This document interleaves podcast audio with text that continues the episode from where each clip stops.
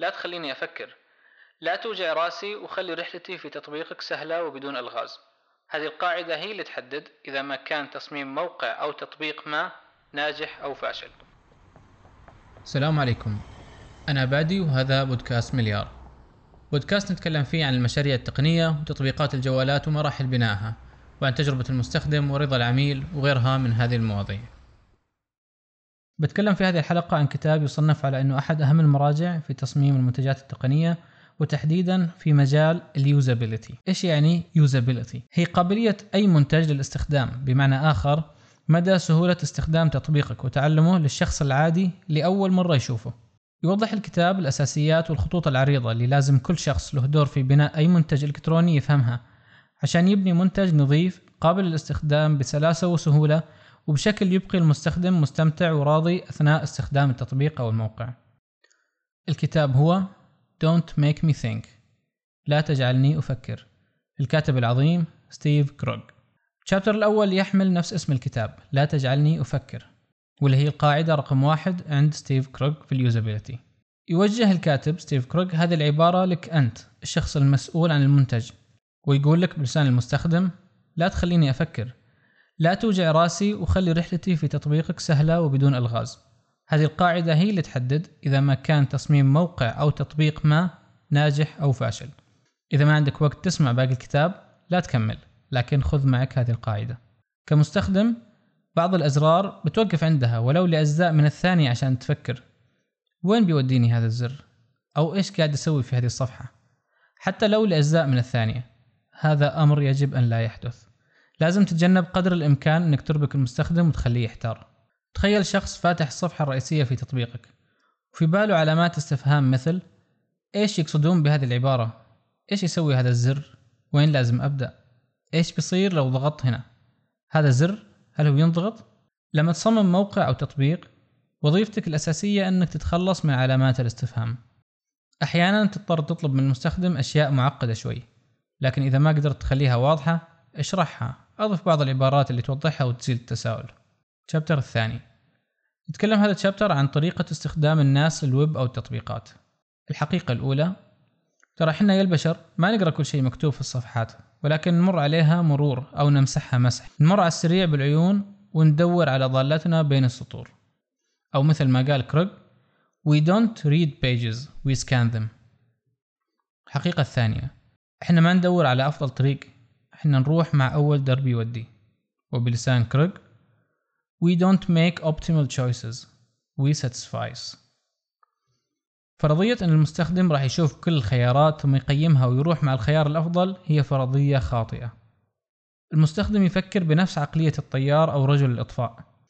تخيلوا معي رجل إطفاء قدام حريق كبير داخل أحد المباني وفي لحظات حرجة تحت ضغط كبير. ما راح يشوف كل الخيارات اللي أمامه ثم يقيمها ثم يختار الأمثل. ما عنده وقت. لا راح يروح مع أول خيار يظن أنه ممكن يوصله لغايته. الحقيقة الثالثة.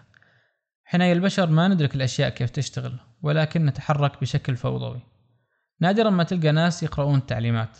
غالبا اللي نسويه أن ننطلق في رحلة من الاكتشافات ونضغط هنا ونضغط هناك ونجرب عشان نكتشف كيف يشتغل التطبيق. شابتر الثالث. عنوانه تصميم لوحة الإعلانات واحد صفر واحد. ما أدري ليش واحد صفر واحد. يعلمنا هذا الشابتر كيف نصمم الموقع أو التطبيق للناس اللي ما تقرأ كل شيء أغلب البشر. النقطة رقم واحد استغل الأعراف اللي هي الشغلات اللي الناس متعودة عليها وعلى طريقة عملها. أماكن الأشياء في الصفحة أيقونات الأزرار. مثلا شكل الزر اللي يشغل الفيديو أو مقطع الصوت المثلث النايم. أو اللي يوقفه الخطين اللي جنب بعض. خلاص هذه أشياء الناس فهمتها وعارفة كيف تستخدمها. لا تتفلسف فيها وتلخبط العالم واستخدمها لصالحك. نقطة رقم اثنين. خلي الشيء اللي ينضغط مرة واضح. إطار حول كلمة لون ظل صندوق بالذات في التطبيقات لأن ما عندك مؤشر الفأرة اللي يتغير شكله إذا صار فوق زر أو رابط. عشان كذا لازم يكون الزر واضح جدا. نقطة رقم ثلاثة. خلي تنسيق النص مناسب للقراءة السريعة المسح. بأنك تخلي الأشياء على شكل أقسام وعناوين واضحة ومميزة عشان العين تشوفها بسرعة. شابتر الرابع. ليش المستخدمين يحبون الخيارات اللي ما تحتاج تفكير؟ قانون كريك الثاني. مو مهم كم مرة لازم أضغط. طالما أن الضغطات ما تحتاج تفكير ولا فيها غموض. نقدر نعتبر عدد الضغطات مقياس لصعوبة المهمة. لكن في الواقع عدد الضغطات مو مهم. اللي يهم هو صعوبة كل ضغطة. هي كمية التفكير اللي أحتاج أفكره عند كل ضغطة. والشك بأنه اللي قاعد أسويه صح أو خطأ. بشكل عام ضغطة واحدة بتفكير تعادل ثلاث ضغطات بدون تفكير. إذا ما قدرت تخلي كل الضغطات ما تحتاج تفكير لا تتركني ضايع. عطني التلميحات اللي أحتاجها. اللي أحتاجها وبس اللي أحتاجها. شابتر الخامس. تخلص من الكلمات اللي ما لها داعي. وهنا يجي قانون كروك الثالث. تخلص من نص الكلمات اللي في كل صفحة. ثم تخلص من نص اللي بقي منها. شيل أي شيء يمكن الاستغناء عنه. شابتر السادس. احرص ان تطبيقك أو موقعك واضح والشخص بيقدر يعرف هو وين واقف في أي لحظة وما يحس إنه ضايع عشان تختبر هذا الشيء في أي موقع تقدر تستخدم اختبار الشنطة الخلفية للسيارة أو The Trunk Test تخيل إنك مخطوف ومرمي في شنطة سيارة مسرعة وعيونك مربطة ثم فجأة نطلعوك على صفحة من صفحات الموقع أو التطبيق إذا الصفحة مصممة بشكل جيد لازم تعرف تجاوب على أسئلة مثل إيش اسم الموقع أو التطبيق؟ إيش هذه الصفحة؟ إيش أقسام الموقع أو التطبيق؟ إيش أقدر أسوي في هذه الصفحة؟ إذا قدرت تجاوب على هذه الأسئلة بسرعة وبدون تردد أو شك إذا التصميم جيد وما يحتاج تسوي شيء. شابتر السابع. الصفحة الرئيسية.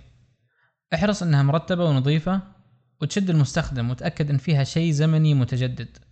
واللي يدخل عليها في أي وقت يعرف إنها حية ما هي صفحة قديمة مسحوب عليها. واحذر من إنك تحشر فيها الكثير من الأشياء. شابتر الثامن. المزارع والراعي يجب أن يصبحوا أصدقاء. أغلب الخلافات حول اليوزابيلتي هي مضيعة للوقت ويجب تجنبها. كثير من الناس اللي لهم رأي في تصميم التطبيق يبدأون حديثهم ب المستخدم المتوسط يحب كذا وما يحب كذا. ثم يرد عليه الثاني بأنه حسب الدراسة الفلانية المستخدم العادي يحب كذا ولا يحب كذا وندخل في جدالات طويلة ما منها فائدة. الطريقة الوحيدة لإنهاء الجدل والفصل بين الطرفين هي الاختبار والتجربة. طيب كيف نختبر؟ هذا هو موضوع الشابتر الجاي. الشابتر التاسع. Usability Testing on 10 cents a day. مهم نعرف أن ال usability testing هو مو اختبار نسويه قبل الإطلاق بأسبوع أو أسبوعين أو شهر أو شهرين.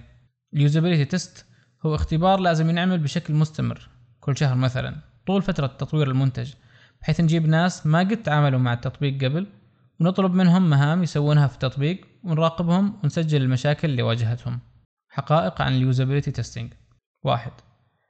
إذا تبي يكون عندك موقع أو تطبيق جيد لازم تختبر لأن بعد شهر من عملك على تطبيقك صار من المستحيل أنك تقدر تنظر للتطبيق نظرة فريش وكأنك مستخدم جديد أول مرة يلمس التطبيق وراح تتعود على المشاكل اللي فيه ولا عاد تنتبه لها. اثنين إنك تختبر مرة واحدة مع شخص واحد أفضل مئة مرة من إنك ما تختبر.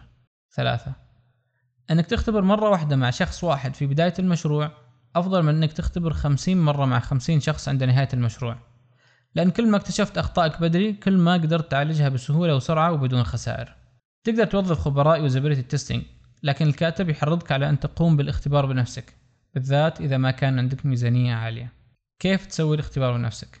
الزمن اللي تحتاجه لإنهاء جولة اختبار هي صباحية أحد أيام العمل متى تسوي الاختبار؟ بشكل مستمر طول عملية التطوير كم مرة؟ مرة كل شهر كم عدد المشاركين اللي بتنفذ الاختبار معهم كل مرة؟ ثلاث أشخاص كيف تختار المشاركين؟ لا تدقق مرة كمية الاختبارات أهم من التدقيق على نوعية المشاركين وين تسوي الاختبار؟ في غرفة الاجتماعات واستخدم برنامج مشاركة وتسجيل الشاشة مين بيشوف الاختبار؟ كون الاختبار سريع وقريب عدد أكبر من الموظفين يقدروا يشوفوا الاختبار كبث حي بحيث يجلسون في غرفة مجاورة لغرفة الاجتماع ويراقبون عن طريق برنامج مشاركة الشاشة كيف أسوي التقرير؟ إيميل يلخص استنتاجات الفريق بعد ما اجتمعوا وناقشوا تجربة المشاركين. مين يحدد إيش هي المشاكل اللي لازم تنحل؟ كل فريق التطوير. وأي أحد من أصحاب العلاقة. Stakeholders. أثناء الغداء في نفس اليوم اللي صار فيه الاختبار. يقرروا ملاحظاتهم ويقرروا الشيء اللي لازم يتصلح. إيش الهدف الرئيسي من هذا كله؟ تحديد المشاكل الحرجة والالتزام بحلها قبل جولة الاختبار الجاية. كم بيكلف هذا؟ بضع المئات من الريالات أو أقل. ال usability testing هو أمر مهم جدا وأنصح كل من له دور في بناء تطبيق أو موقع أنه يحرص على إجراء هذا الاختبار بشكل دوري. ممكن تبحثوا في الإنترنت عن طرق إجراء هذا الاختبار وراح تلقوا مواد مفيدة تساعدكم خطوة بخطوة. يسعدني ويحفزني أنك وصلت لهذا الجزء من البودكاست. هذه الحلقة هي مجرد مقتطفات من الكتاب واللي يبي يتعرف على هذا العالم بشكل أكبر لازم يقرأ الكتاب. هذه هي نهاية رحلة اليوم. إذا أعجبك المحتوى أرسله لأي شخص تعتقد أنه بيستفيد منه. واضغط على زر الإعجاب في أي منصة قاعد تسمعني منها. شكرا. مع السلامة.